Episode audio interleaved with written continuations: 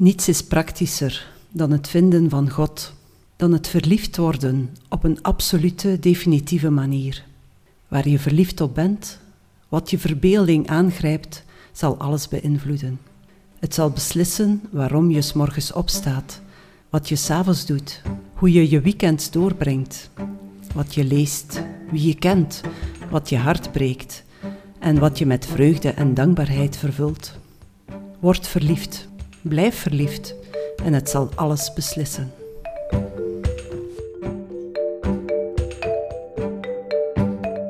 De woorden die je net hoorde zijn van Pedro Arrupe, voormalig algemeen overste van de Jezuïeten. Voor Renate beschrijft dit citaat haar ervaring met de Ignatiaanse spiritualiteit. Daar maakte ze kennis mee toen ze 24 was. En sindsdien kan ze zich een leven zonder die spiritualiteit niet meer voorstellen.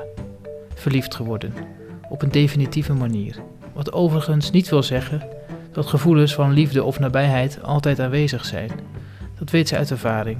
Soms is het allemaal heel ver weg.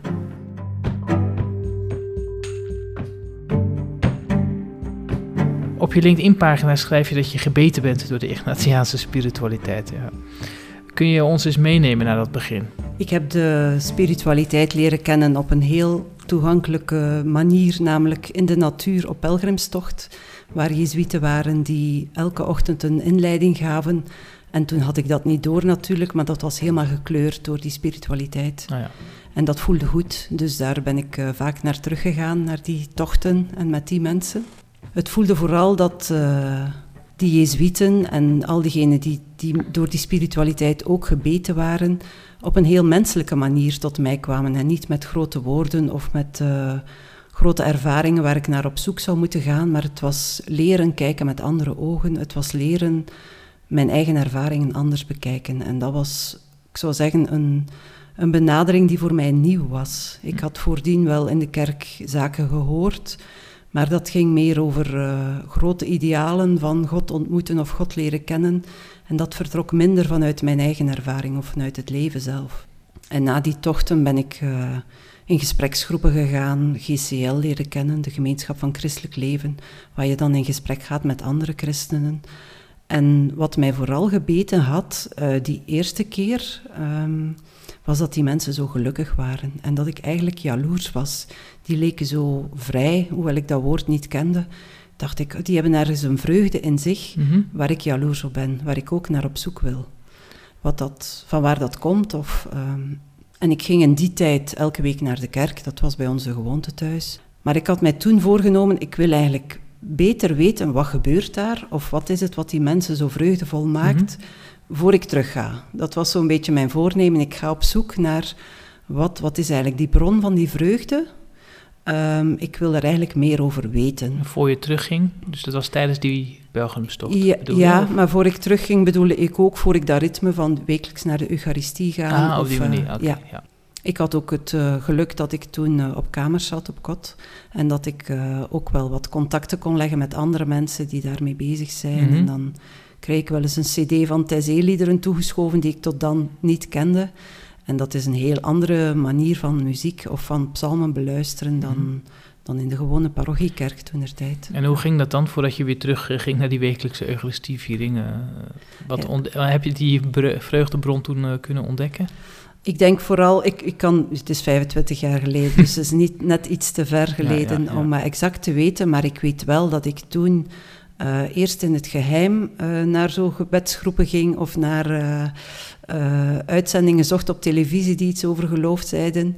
En dat dat dan begon zoiets te worden waar ik ja, hier en daar op aangesproken werd of eens iemand meenam. Maar in het begin was dat zo'n persoonlijke zoektocht Mhm. van wat is dat van dat geloof en wat, wat is daar nu... Ja, ik noem het dan het ontdekken van het levende geloof. Daarvoor was het meer een, een cultuur, um, iets waar ik wel aan deelnam, maar waar ik niet anders door naar huis ging. En, maar dat levende geloof, dat was dan toch iets, ja, echt een verliefdheid. En dan uh, zoek je die plekken en die mensen die daarmee bezig zijn. En toen vond je die? Ik ben na mijn studententijd op uh, kot gegaan bij een gemeenschap van zusters die kamers verhuurden voor mensen die ook al werkten. Mhm. En dat was een plek ook waar uh, andere jongwerkenden die ook een beetje aan het rondkijken waren in het leven van wat wil ik eigenlijk en uh, er werden toen ook weekends georganiseerd rond keuzes maken vanuit het evangelie. Ja. Ik herinner mij, ik kwam dit weekend nog de notities tegen, een weekend Godsdroom en Mijn Droom, waar kunnen ze elkaar ontmoeten. En toen gingen we naar de abdij van West-Vleteren om daarover uh, inleidingen te horen en uit te wisselen. Ja, dat soort weekends, en dat was zo drie, vier keer per jaar, denk ik, dat soort dingen. Dat heeft mij helemaal in de ban gehouden en, en ook wel helemaal gekleurd. Ik ben na twee jaar uh, ingetreden bij die zusters. Ah, dus ik dacht, ik ga religieuze worden. Maar ik, uh, en ik heb in die periode ook geestelijke oefeningen gedaan. Dus dat was enerzijds een spiritualiteit van Bernardus van Clairvaux, die een monastieke traditie is, waar ik in, mij ingroeide of verkende door het uh, religieus leven. Maar tegelijkertijd deed ik de geestelijke oefeningen, die dan toch anders zijn of die een andere focus leggen. En op het einde van dat jaar heb ik beslist om daar weg te gaan. Dat dat religieuze leven niet voor mij was. Um, maar was ik ondertussen gekneed door wat de geestelijke oefeningen met mij hadden gedaan, denk ik. Maar je, want het zijn natuurlijk nogal, ja, als je zo terugkijkt, dan is het allemaal misschien wat logischer. Maar ja. Uh, je bent dan uh, klaar met je studies, je gaat dan tijdelijk nou ja, verkennend wonen eigenlijk bij zo'n gemeenschap. Niet per se met het idee eerst om in te treden, maar dat groeide dan geleidelijk in dat jaar of zo. Om, ja, uh, om, ja. Ik zou zeggen, ik had daarvoor op uh, uh, kamers gezeten waar ik niet per se een persoonlijke band had met de andere studenten. En dat was een aanbod meer van gemeenschapsleven. Dat trok mij enorm aan. En ik was toen zelf leerkracht op een middelbare school, dus ik deed mijn eerste professionele dingen zo.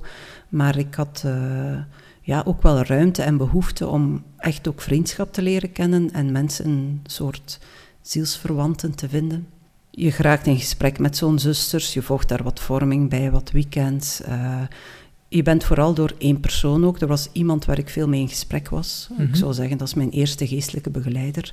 Hoewel dat niet die naam had. We mhm. gingen fietsen langs de Schelde. Maar um, dan is het logisch dat je ergens denkt... Goh, dat leven dat zij leidt, dat, dat zou misschien wel iets voor mij kunnen zijn. Wel heel anders dan voor de klas. Ja, en toch, zij leefden ook wel in spiritualiteit, uh, in onderwijs, in zorg. Dus zij waren ook wel echt op de wereld betrokken. Ja. Maar achteraf gezien denk ik wel dat, dat die nadruk op het gemeenschapsleven, dat dat voor mij iets te, te bindend is. En als je kijkt naar Jezuïten, hun manier van gemeenschapsleven beleven is toch een stuk vrijer. Um, dat heeft misschien ook te maken met het feit dat zij mannen zijn of priester en apostolaten hebben buiten. Mhm. Maar bij die zusters vind ik dat meer gericht op het naar binnen, naar de gemeenschap op zich. En dat voelde voor mij een beetje te besloten. Maar ja, ik was 25. Ik, uh, ik was echt nog heel jong. Van mentaliteit ook. Dus ik, uh, ik moest nog even mijn vleugels uitslaan. Ja, ja, Dus je bent toen weggegaan ja. daar. Ja. ja, maar ik heb er nog altijd een goede band mee. Dus dat is, uh, en ik zou trouwens iedereen aanraden om eens zo'n jaar in een gemeenschap te gaan leven en dat te verkennen. Want ik zeg soms dat ik daar op één jaar geleerd heb voor mijn eigen geestelijk leven, waar ik anders vijf jaar zou over gedaan hebben. Dus dat was heel Is dat omdat je dan gewoon heel veel, ja, omdat je veel intenser die, ja. zo'n ritme leeft ja. en ook voortdurend met die dingen bezig bent? Ja, ja, ja alles ademt dat uh, in en uit en... Uh, ja, uh, voor mij was dat enorm, ja, enorm vormend. En ook naar mijn eigen identiteit, dat ik beter weet, dit is het niet. Hm. Wat het nieuwe ging worden, wist ik nog niet. Trouwens, ik denk nadien... Ja, ik noem mij soms een pelgrim in het leven, een hm. pelgrim in deze wereld, zoals Ignatius zich ook noemde. Maar hij zat dan wel in structuren. Ik uh, zit minder in structuren, ik, uh, ik behoor niet tot de gemeenschap. Maar uh, dat betekent niet dat ik mij niet gezonden voel of niet geroepen voel. Alleen is het meer een opgave om telkens die, daar zelf vorm aan te geven. En daar zelf... Ik heb niet de traditie van, dit is hier een gemeenschap, dit wordt een overste, dit is degene die dat doet in de communiteit. Mm -hmm. uh, ik moet dat zelf wat vormgeven. Hoe, hoe, doe je dat? Hoe beluister je dan waar je dan bijvoorbeeld naartoe... Nou ja, wordt gezonden, word je dan dus ook niet per se. Tenminste niet door nee. een gemeenschap, maar... Nee. Hoe luister je dan wat de volgende stap is op je pelgrimstocht? Ja, ik denk dat het belangrijkste is de geestelijk begeleider daarin. Dus ik had een jezuïet ook die mij begeleidde. eh, die jammer genoeg overleden is. Maar met hem had ik vaak gesprekken ook over mijn leven en mijn keuzes. En ik ben toch wel al vaak van werk veranderd ook, omdat ik ook voelde dat is de volgende stap, of daar word ik naartoe gezonden, of uh, voor mijn huidige werk ben ik gevraagd. Ja, wat kan er mooier zijn dat ze, mm -hmm. dat ze iets in jou zien en jou vragen. En, en als je toch vanuit een soort uh, onderscheidend vermogen, of een, ja, denk toch dat ik dat kan, onderscheiden wat goed is voor mij en niet, kan ik daar allemaal vrij rustig zeggen, dat, dat past bij mij en dat past niet bij mij en dat moet ik gaan doen en dat niet. Ik heb daar veel in ontvangen, dat mij dat gegeven werd om dat te zien. Wat moet ik doen, wat moet ik niet doen. Je hebt toen de geestelijke oefeningen gedaan, dus al eigenlijk al vrij jong. Ja. Een jaar lang een traject van bijna, bijna een jaar dat je dagelijks uh, mediteert met ja. met de Bijbel. Um, ik wil eventjes naar een citaat dat je, want deze podcastserie die hoort bij het boek over de bekering van Ignatius. En uh, jij hebt een van die essays geschreven. Um, en reflecterend op die ervaring schrijf je dan dat nou, in dat jaar hij, en dat, dat gaat, staat dan voor God, hij maakte mij van niemand tot iemand. Uh, ik ontving het diepere besef dat ik bemind word, dat ik iemand ben. Ook al had het mij aan liefde nooit ontbroken, het was de grote, diepte, wijte van die liefde op de weg van het geloof die mij vormde tot een unieke persoon. Kun je iets vertellen over die ervaring? Ik heb de uitspraak dat ik van een niemand een iemand ben geworden, dat heb ik ook in ergens een uh, begeleidingsgesprek gezegd. Het was uh, een gebedsweek waar ik met een priester in gesprek was en ik, en ik zei dat van ja, dat heeft mij veranderd van een niemand tot een iemand. Ik, ik had dat daarvoor zelf niet bedacht Nee, en ja. ineens kwam het Ja, uit ja. mijn mond. En die zei zo, weet jij wel wat jij zegt? En ik, ja, als je jong bent ben je nog van alles vol en dan was dat, zei ik daar volmondig ja op. Nu zou ik al iets... Uh, bedeesder zeggen, ja, kunnen wij dat wel vatten wat dat is. Mhm. Maar ik denk wel dat dat het begin was van uh, het zoeken naar uh, mijn eigen identiteit. Al je beelden waar je aan voldoet als kind, als jongere. En die, uh, ja, je, je bouwt je identiteit op door je te spiegelen aan anderen. Aan anderen waar je naar opkijkt of ja, je opvoeders in ruime zin, leerkrachten, ouders. En toen denk ik, door die geestelijke oefeningen heb ik meer misschien God als een spiegel of Gods liefde als een spiegel ervaren. En uh, werd dat referentiekader omgegooid in het gevoel van je mag er zijn zoals je bent. Want dat is denk ik wat de geestelijke oefeningen mij als bron, als, als uh, vrucht hebben gegeven. Een bron die, ja, die je ontdekt. Je mag er zijn zoals je bent, je bent aanvaard zoals je bent. Dat dat daar tot leven is gekomen, dat besef. Ik heb toen ook, ook een gek inzicht eigenlijk gedacht, uh, alles wat in die Bijbel staat, dat is echt, echt waar. Ja, natuurlijk is het waar. En ik dacht dan nog, en niemand heeft mij dat gezegd, dat dat echt waar is. Ja, natuurlijk is het echt waar. Maar het had gewoon ja, een soort diepgang gekregen. Als uh, Jezus tot iemand spreekt, dat ik die woorden echt tot mij kon horen spreken, als hij tot een melaatse sprak of tot een blinde, of uh, dat, dat, dat die woorden echt tot mij werden gesproken, ja, dat maakte mij ook tot een iemand. Ik werd gezien door, door Jezus, door God, en ik werd aangesproken. En ja, dat moet iets zijn van wat ik noem, ik ben van een niemand naar een iemand gegaan. Ja. ja. ja. En die, want is, dat is de ervaring die veel mensen hebben die de oefeningen doen. Mm -hmm. dat, dat, je die Bijbel leest en je gaat dan daarmee mediteren. En dan, ja, dan ga je eigenlijk weg bij die Bijbeltekst mm -hmm. in zekere zin. Ja. En komt het, uh, ja, kan een soort van ontmoeting plaatsvinden. Uh, en dat, dat, is eigenlijk ook wat je net beschrijft. Maar dat is ook iets heel erg van dat je dat aan kunt overgeven. Dat zoiets kan ontstaan. Dat je dan ook nog een soort van geloof vindt om om te zeggen van ja, dat is iets wat van God kwam en niet wat ik zelf maar bedacht heb. Ja, eigenlijk is het uh, iedereen die in een relatie stapt, en vaak begint dat met de verliefdheid, die smijt zich ook, die gaat ook in de ervaring binnen, of niet, ja. maar dan zal het niets worden. Ja. Maar als je erin binnen gaat, als je die stappen daarin zet, ook al is dat met knikkende knieën, of denk je, oh, wat doet dat met mij? Um, dan gebeurt er iets als je erin gaat, ja. En ik denk de woorden over relaties en over verliefdheden tussen mensen wordt veel gezegd en gesproken en kun je veel over lezen en zien. En dat geeft jou een kader om dat te vertrouwen, om die stappen te zetten. Ja. Uh, om met iemand intiem te worden, bijvoorbeeld. En in het geloof, denk ik, is alles wat ik tot dan geleerd had, gehoord had, ehm, dat gaf mij ook een kader van vertrouw dat maar. En dat gaf mij ook woorden om te beschrijven wat mij overkwam. En dat is wat we nodig hebben. En uh, dingen daarover begrijpen is voor mij iets heel belangrijk. In die zin zijn die theologiestudies uh, voor mij ook manieren om woorden te vinden om mijn ervaring te duiden. Om woorden te vinden die beschrijven, ja, ik ben van een niemand naar een iemand gegaan. Ja. Uh, er zijn filosofen die daar ook dingen over zeggen. Maar ik kon die woorden gebruiken op mijn ervaring. Ja, verderop schrijf je ook dat het iets had van een bewustzijnsverruiming.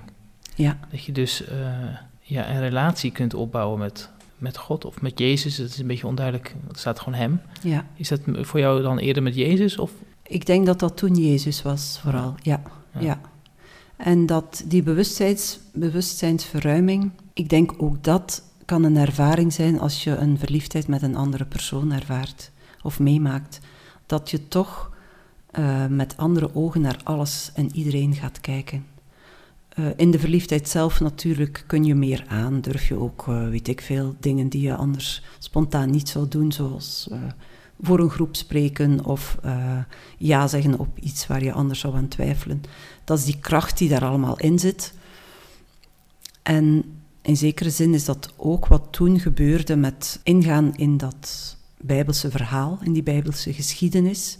En je zei daarnet van je laat die verhalen ergens los of de tekst en je komt in uh, een soort uh, beleving of ervaring. Voor mij is dat ook uh, de kern van wat daar gebeurt. Die mensen die dat hebben neergeschreven, die hadden iets meegemaakt en die hebben woorden gebruikt om daar iets over op te schrijven. Maar ik word uitgenodigd om achter die woorden, ik zeg soms God zit achter de Bijbel, Mm-hmm. Om te, in die realiteit binnen te gaan. En als je in die realiteit binnengaat, dan gebeurt er iets aan jou. Dat is uh, ja, waar de liefde haar werk mag doen. En waar uh, in die meditatie, in die stilte, je ook probeert uh, je handen iets minder gesloten te houden, iets meer open te komen, dat er aan, aan jou iets mag gebeuren. En dat was iets wat je niet had geleerd als kind in de kerk, als tiener nee, in de kerk? Nee, het was mij eigenlijk compleet vreemd. en ik moet ook zeggen, ja, als ik daar nu later over nadenk, denk ik, um, ik ga het met een beeld zeggen. Het beeld, het, de, de werkelijkheid heeft een bepaalde dikte zo. En toen ik jong was, maar ik, ik ben jong, eh, ik ben heel lang jong gebleven, vind ik zelf, um, was het leven vrij dun. Mijn werkelijkheidsbeleving vrij dun, vrij smalletjes of zo. Mm -hmm. Ik ging, denk ik, het gekke is, mensen kwamen bij mij voor relatieadvies, maar ik had nog nooit een relatie gehad. Ja. Maar ik kon daar veel wijze dingen over zeggen. Maar ik zou zeggen, mijn werkelijkheid was tamelijk dunnetjes. In 3D dan. Maar door die, die bewustzijn, bewustzijnsverruiming, denk ik, is er een soort diepte in het leven gekomen, waardoor je gevoeliger bent voor uh, wat er bij mensen leeft, voor wat je moet doen, wat goed voor je is. Uh, en dat is denk ik wat, wat mij daar gegeven is. En eens je dat hebt meegemaakt, dan heb je die ervaring voor de rest van je leven. En ik zal niet zeggen dat mijn leven nu nog zo'n diepte heeft. Ik denk dat het terug een beetje is afgenomen. Dat is ook niet verkeerd. Ik denk ook, er komt een realisme binnen of dat soort dingen allemaal. Er komt teleurstelling binnen. Of... Maar ik ben wel ooit in die diepte geweest. En dat, dat geeft jou een fundament voor altijd, denk ik.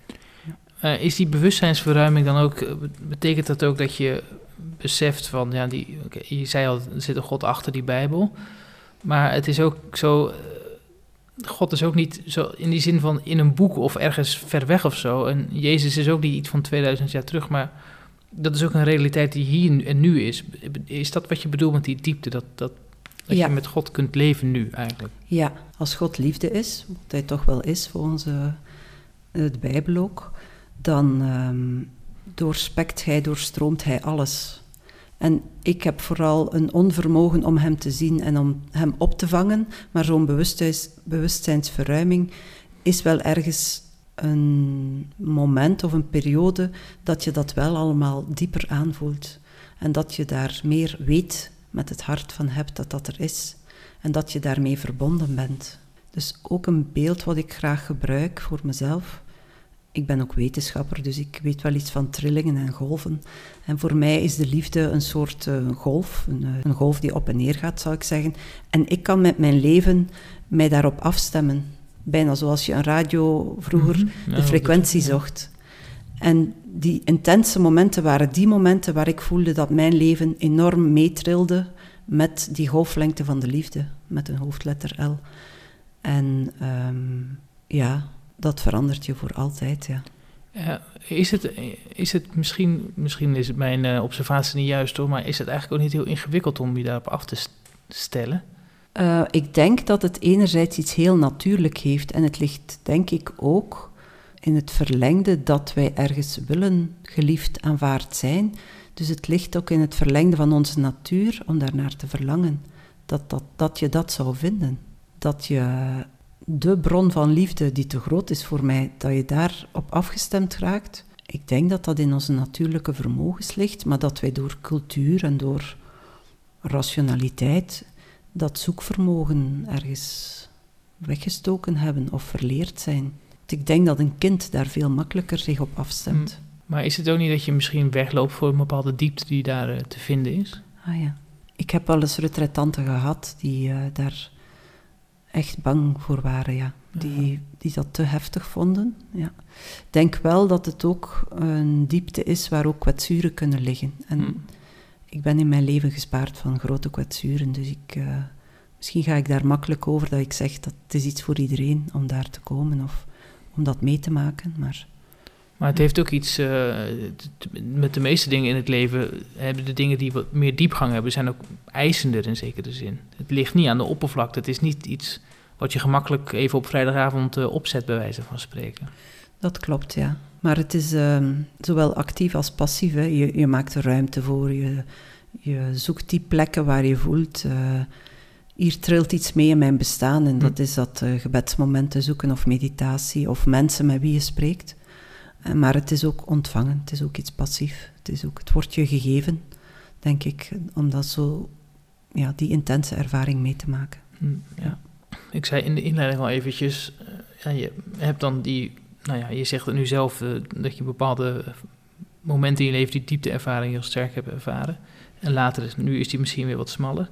Maar je schrijft eigenlijk ook dat het, ja, ik kan het wel even voorlezen. Na de oefeningen en alle warme ervaringen voelde ik me jarenlang verwijderd van God. Ja, zelfs in de steek gelaten. Hij had me in dit liefdesavontuur gelokt en is toen vertrokken, zo leek het wel. Het is niet eventjes van, uh, het is gewoon eventjes er niet meer, maar het lijkt haast als een soort van dat je je een beetje verraden voelt. Je bent ergens ingetrokken en toen is hij weggegaan. Ja, ik, uh, ik had zelfs het beeld, hij ligt daar onder een, een palmboom uh, in een, uh, aan een tropisch eiland met een cocktail en heeft, doet niet eens de moeite om nog eens een kaartje te sturen. Het was zo, bijna dat. Ik kon er bijna enerzijds om lachen, maar anderzijds was het ja, een harde, harde realiteit ook wel voor mij. En maar wanneer, wanneer, wanneer gebeurde dit dan? Wel ja, na de oefeningen eigenlijk, maar... Ja. Uh, maar dat gaat over een periode van jaren. Ja. Dus na de oefeningen heb ik nog een paar jaar toch wel heel sterk die liefde gevoeld. Mm -hmm. En toen heb ik dat voelen wegdeemsteren. Ik herinner mij, ik kwam uit een Eucharistieviering en iemand naast mij zei: Wauw, dit was weer zo deugddoend. En ik herinner mij nog dat ik rondkeek en dacht: Tja, hebben wij in dezelfde viering gezeten? Ja. Want ik had zoiets: oh, duurt dat hier nog lang? We zitten hier nu al een half uur. Dus bij mij was de, ja, de ervaring was helemaal weg. En dat maakte mij enorm jaloers op andere mensen. Of, uh, je kon niks doen om het terug te krijgen? Nee, nee. Niks, niks werkte wat je probeerde, wat nee. je voorheen wel... Nee, ik ben uh, vooral toen ja, in geestelijke begeleiding, maar ook wel in, uh, ben in de mystieke literatuur gaan zoeken, hè, wat die grote mannen daarover rijden, mannen en vrouwen. Mm -hmm. En dus je weet wel ergens dat er zoiets is als wat dan bij Johannes van het Kruis een donkere nacht. Maar goed, ik ben geen mysticus, dus uh, zo erg zal het bij mij wel niet zijn, denk je dan.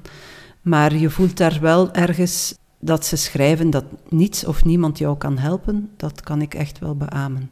Want ik herinner mijzelf dat mijn begeleider, met alle goede bedoelingen die een begeleider heeft, die zei ja als je dan het geloof wil loslaten, doe maar. Hè. Eh, je hoeft er niks meer mee te doen. Laat het maar volledig los. Vergeet God. En, eh, maar eigenlijk wist ze, het was een vrouw toen, wist ze wel van ja, je kunt dat nooit meer loslaten.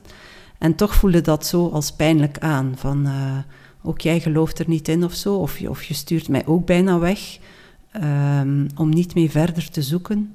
Ik weet nu dat wat anderen ook zeggen, het baat eigenlijk niet. Of je denkt, uh, als je willen bemoedigen om het uit te houden, dan uh, voelt het toch niet dat je er met twee in staat op dat moment. Mm -hmm. En als ze dan zeggen, ja, maar je moet meer bidden, of je moet meer dit, of ja. blijf maar dat doen, of hou toch vast aan dit of dat, dan voelt dat ook als pijnlijk. Ik denk achteraf gezien ook dat uh, de herinnering aan die goede tijd wordt dan ook iets pijnlijk, want je hebt het niet meer en uh, je verlangt ernaar. Maar ook dat moet je loslaten. Ook dat, uh, maar je ging het niet, niet in twijfel trekken? Ook wel, maar ja, naar wie zouden wij anders gaan? Het is niet dat er iets op mijn pad is gekomen waar ik dacht, daar ga ik wel die diepe vreugde gaan vinden. Dus ik, uh, ik ben niet gaan zoeken in andere tradities, zoals boeddhisme of, of wat dan ook. Ook omdat er niets op mijn pad kwam dat mij deed vermoeden dat ik het daar moest zoeken. Ja. En wanneer begon je weer kaartjes te sturen? Ik heb sommige jaren bijvoorbeeld met één lied volgehouden. Ik had een cd waar iemand psalmen op voorlas, op een eigentijdse manier, de psalmen van Oosterhuis. Mm -hmm. En daar luisterde ik naar. Al was, was het maar om niet aan iets anders te moeten denken. Zo. En dat is denk ik um, een toegangspoortje terug geweest. Of uh, zo een of ander zinnetje dat mij hielp om mijn geheugen los te laten, mijn, mijn mooie ervaring van vroeger, om dat los te laten. En om te aanvaarden dat het anders zou zijn in de toekomst. Iets wat mij ook geholpen heeft trouwens, is het Jezusgebed. Dat je gewoon zegt, uh, Heer Jezus, ontferm je over mij. Hmm. Dat heb ik ook, ben ik ook wel twee jaar mee op pad geweest en dat was het dan. Dus je hebt niet meer de ervaring, die Jezus is er nog, maar je denkt wel vanuit de geschiedenis dat het helpt om dat te zeggen. Ontferm u over mij, bekommer u over mij, zie om naar mij. Ja. Gelukkig de mens die weigert te doen wat goddelozen hem vragen. Zodat, ja. bepaalde zinnetjes die mij op een ja, koers hielpen. Ja. En, maar, en toen kwam het wel terug op die ervaring, of is het nog steeds eigenlijk? Uh, ik uh, leef precies in een periode waarin ik denk: God spreekt niet, tenzij hij vindt dat het nodig is. Dus uh, ik, ik ga mijn eigen weg om te zoeken waar vind ik inspiratie, waar kan ik contact maken met Hem. voor mij is contact met andere mensen, spreken met andere mensen, daar zeker een belangrijke bron in. Maar het is ook oké dat het niet meer zo een groot liefdesverhaal is of zo. Ik, uh, ik voel ook wel als ik iets tegenkom wat moeilijk is, dat ik niet zo diep doorzak dat ik dat niet uh, te boven kom of zo. Ik voel mij voldoende uh, gegrond of geworteld om, om de crisissen in mijn leven, voor zover dat die er zijn, te, op een goede manier door te komen. En ik heb één keer het gevoel gehad van, God, nu weet ik het echt niet. En toen heb ik toch iets gevoeld, voelen, wat is dat? Toch een ervaring van, je bent er niet alleen in, in deze donkerte of deze moeilijkheid. En toen ben ik opgestaan van de stoel en heb gedacht, oké, okay, dan gaan we weer verder. Dat, uh, dat was voldoende als troost op een of andere manier, ja.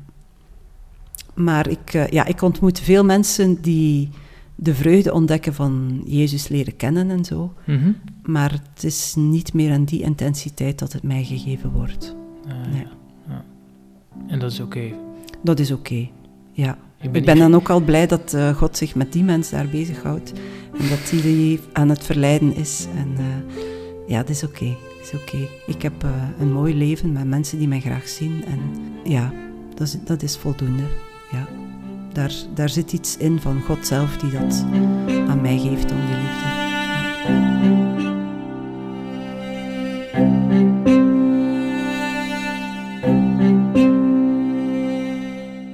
Dit is Bekering, een podcast van Bidden Onderweg.